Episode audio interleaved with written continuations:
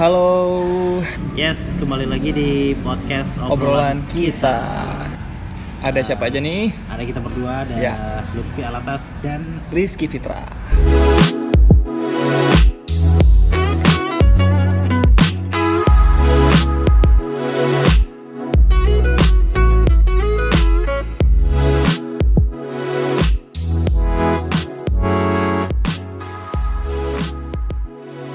Oke, welcome back on obrolan kita. Hari ini suasananya memang lagi rame-ramenya ya. Bukan eh, bukan kitanya yang rame, tapi tempat orang sekitar, benar. tempat ngopinya yang lagi rame banget. Hari ini kita mau ngomongin tentang berita hoax. Ya, berhubung nih kita mau nyambut episode 9 ya. Episode 9 spesial kita maunya yang singkat, padat dan jelas. iya, benar sekali. Oke, kenapa kita ngomongin tentang berita hoax? Karena eh, sebagai generasi yang eh, selalu dekat sama gadget, apa-apa internet, sedikit-sedikit internet, kita nih sebagai anak-anak muda atau siapa pun yang dengar itu harus tahu eh, bahaya dari berita hoax itu seperti apa ya.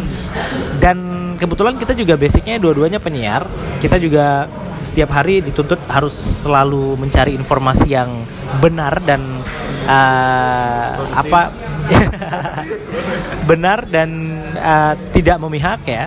Jadi kita kasihlah sedikit uh, ya sharing-sharing lah untuk teman-teman gimana cara mendapatkan berita yang tidak hoax alias asli ya. Iya. Mungkin langsung aja yang pertama kita minta tipsnya dari Eki. Oke, tips dari Eki atau Rizky Fitra. Hmm, yang paling penting perhatikan dulu ya dari judul. Jadi hati-hati dengan judul provokatif nih ya. Karena berita hoax itu ya sering sekali eh, menggunakan judul sensasional yang provokatif.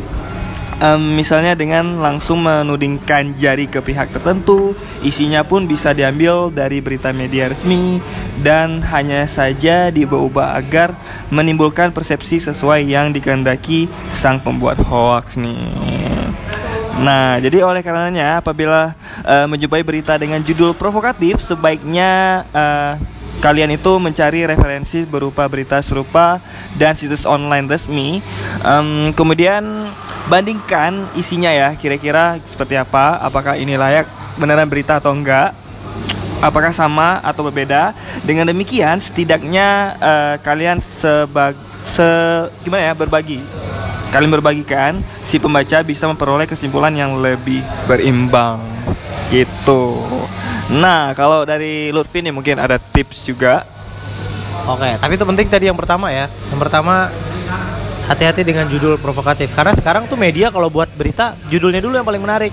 Iya. Dan bahayanya orang-orang tuh pada baca judulnya aja nggak baca isinya apa ya. Langsung dari judul udah ngasih judul eh, ini beneran atau enggak gitu ya. Oke, kalau tadi kan judul. Kalau dari aku eh, yang harus kalian perhatikan itu adalah situsnya. Ini penting. Kalau kita nih yang baca-baca berita, kalau baca beritanya dari situs-situs yang nggak jelas, situs-situs yang eh, kayaknya kita nggak pernah dengar di media ini, itu bisa ditanda tanyai gitu. Atau tapi kalau udah jelas, misalnya ya mungkin teman-teman tahu yang udah jelas medianya udah besar-besar. Contoh kayak cnnindonesia.com ya kan, detik.com atau eh, banyak deh media-media yang udah jelas liputan6.com. Ya, pokoknya yang udah jelas-jelas, yang udah besar namanya, yang udah ada apa ya istilahnya ya eh, pengesahannya se apalah bahasanya itu itu bisa jadi eh, patokan tapi kalau situs webnya itu aneh mungkin kita nggak pernah baca Banyak iklan yang nggak jelas. Iya, itu segera ditinggalkan. Karena nih ya, kita ngambil informasi ini tuh dari Kominfo. Ya. Uh, menurut catatan Dewan Pers di Indonesia itu terdapat sekitar 43.000 situs di Indonesia uh, yang mengklaim sebagai portal berita. Jadi semuanya serba digital. Jadi semua orang tuh bisa uh, apa ya menga- mengatakan bahwa dirinya itu sumber berita Iya. yang aktual ya. Daripada jumlah tersebut yang udah terverifikasi secara resmi itu ada sekitar 300. Jadi artinya puluhan ribu situs yang berpotensi menyebarkan berita palsu di internet. Jadi kita harus tetap selalu waspada lah ya. Itu yang kedua tadi eh, cermati alamat situsnya seperti apa. Nah, yang ketiga mungkin lanjut Ki apa nih? Oke, yang ketiga uh, kalian harus ngecek juga periksa faktanya nih benar atau enggak. Nah jadi perhatikan dari mana berita berasal dan siapa sumbernya nih. Karena apakah dari institusi resmi seperti KPK atau Polri sebaiknya jangan cepat percaya nih dengan berita-berita yang langsung membuat kalian bingung ini beneran atau enggak gitu dan oh kayaknya beneran nih dengan kalian memikir secara pendek itu langsung kalian percaya. Itu jangan sampai kayak gitu. Lihat dulu dari sumber-sumbernya gimana hasilnya juga. Dan perhatikan uh, keberimbangannya sumber berita kayak tadi Rizky bilang juga. Dan jika ada jika hanya ada satu sumber pembaca tidak bisa mendapatkan gambaran yang utuh. Jadi hal yang hal yang lain yang perlu diamati adalah perbedaan antara berita yang dibuat uh, berdasarkan fakta dan opini. Jadi uh, kalau menurut fakta seperti peristiwa yang terjadi dengan kesaksian dan bukti. Sementara opini adalah pendapat dan kesan dari penulis berita sehingga memiliki uh, kecenderungan untuk bersifat subjektif. Jadi uh, perhatikan dari segi faktanya juga nih, ya. Jadi jangan sembarangan kan, karena lihat dulu faktanya nih bener nggak. Kalian cari dulu nih bener atau enggak. Jangan asal langsung percaya aja. Oke, okay, nice. Uh, terus yang terakhir dari kita tentang cara mengatasi berita hoax atau cara mengetahui berita itu hoax atau enggak. Yeah. Kalian bisa lihat keaslian fotonya sih. Jadi di era teknologi yang uh, cepat banget saat ini, bukan hanya konten berupa teks, tapi kalian juga bisa lihat foto atau video. Karena banyak nih orang-orang yang buat berita palsu di sana tuh mereka mengandalkan foto-foto yang palsu juga. Saya ingat banget dulu waktu ada berita uh, gempa gitu di Aceh yang di Pidijaya dulu itu banyak banget berita-berita hoax yang nyampein berita tentang negara lain gempa. Jadi fotonya tuh tragis banget tapi kesannya itu terjadi di Aceh gitu. Padahal tuh diambilnya dari negara-negara lain sih ya itu dulu yang terjadi kan? Iya sering banget. Jadi Kayak ini bang Aceh kebakaran ingat nggak? Jadi sempet uh, itu juga salah satu hoax ya muncul foto bahwa kayak korbannya korban kebakaran yang uh, di depannya itu ada mayatnya gitu maksudnya. Oh, nggak nggak lihat sih itu itu ada jadi sampai dikira itu uh, memang betulan ini kebakaran kebakaran Bang Aceh atau bukan dan ternyata pada hasilnya itu bukan fotonya. Aslinya kayak gitu. Oh jadi memang harus kita harus juga pinter-pinter ngelihat foto dan video yeah. uh, keasliannya itu seperti apa ya. Kalau kira-kira uh, apa ya uh, fotonya itu nggak uh, jelas ya.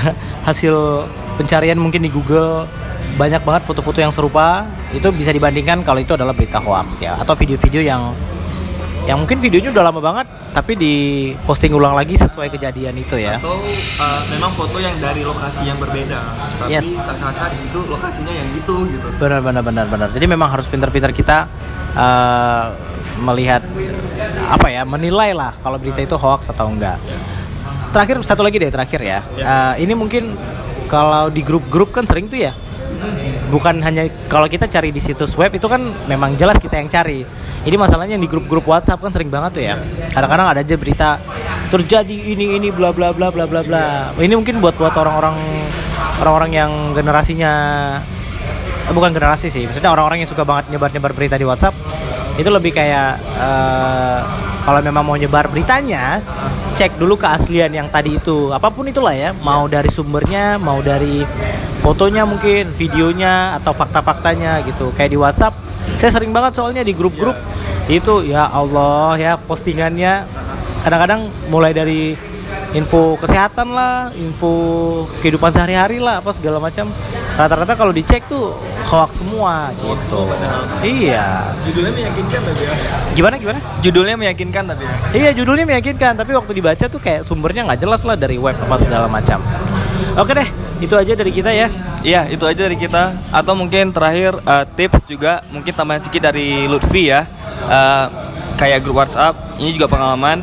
Uh, jadi kalau misalkan kalian buka dari link dari berbagi dari temen mungkin atau mungkin dari WhatsApp atau mungkin dari aplikasi sosial media uh, emang hati-hati banget ya karena soalnya ada juga nih kejadian gara-gara buka link tersebut yang hoax dan banyak virus juga virus yang membahayakan. Oke oke. oke. Ah, ah. dan itu membahayakan juga buat kalian. Jadi hati-hati ya, kayak kita bilang tadi.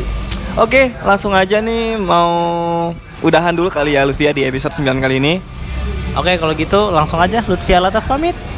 Dan Rizky Fitra pamit juga. Bye bye. See you next time.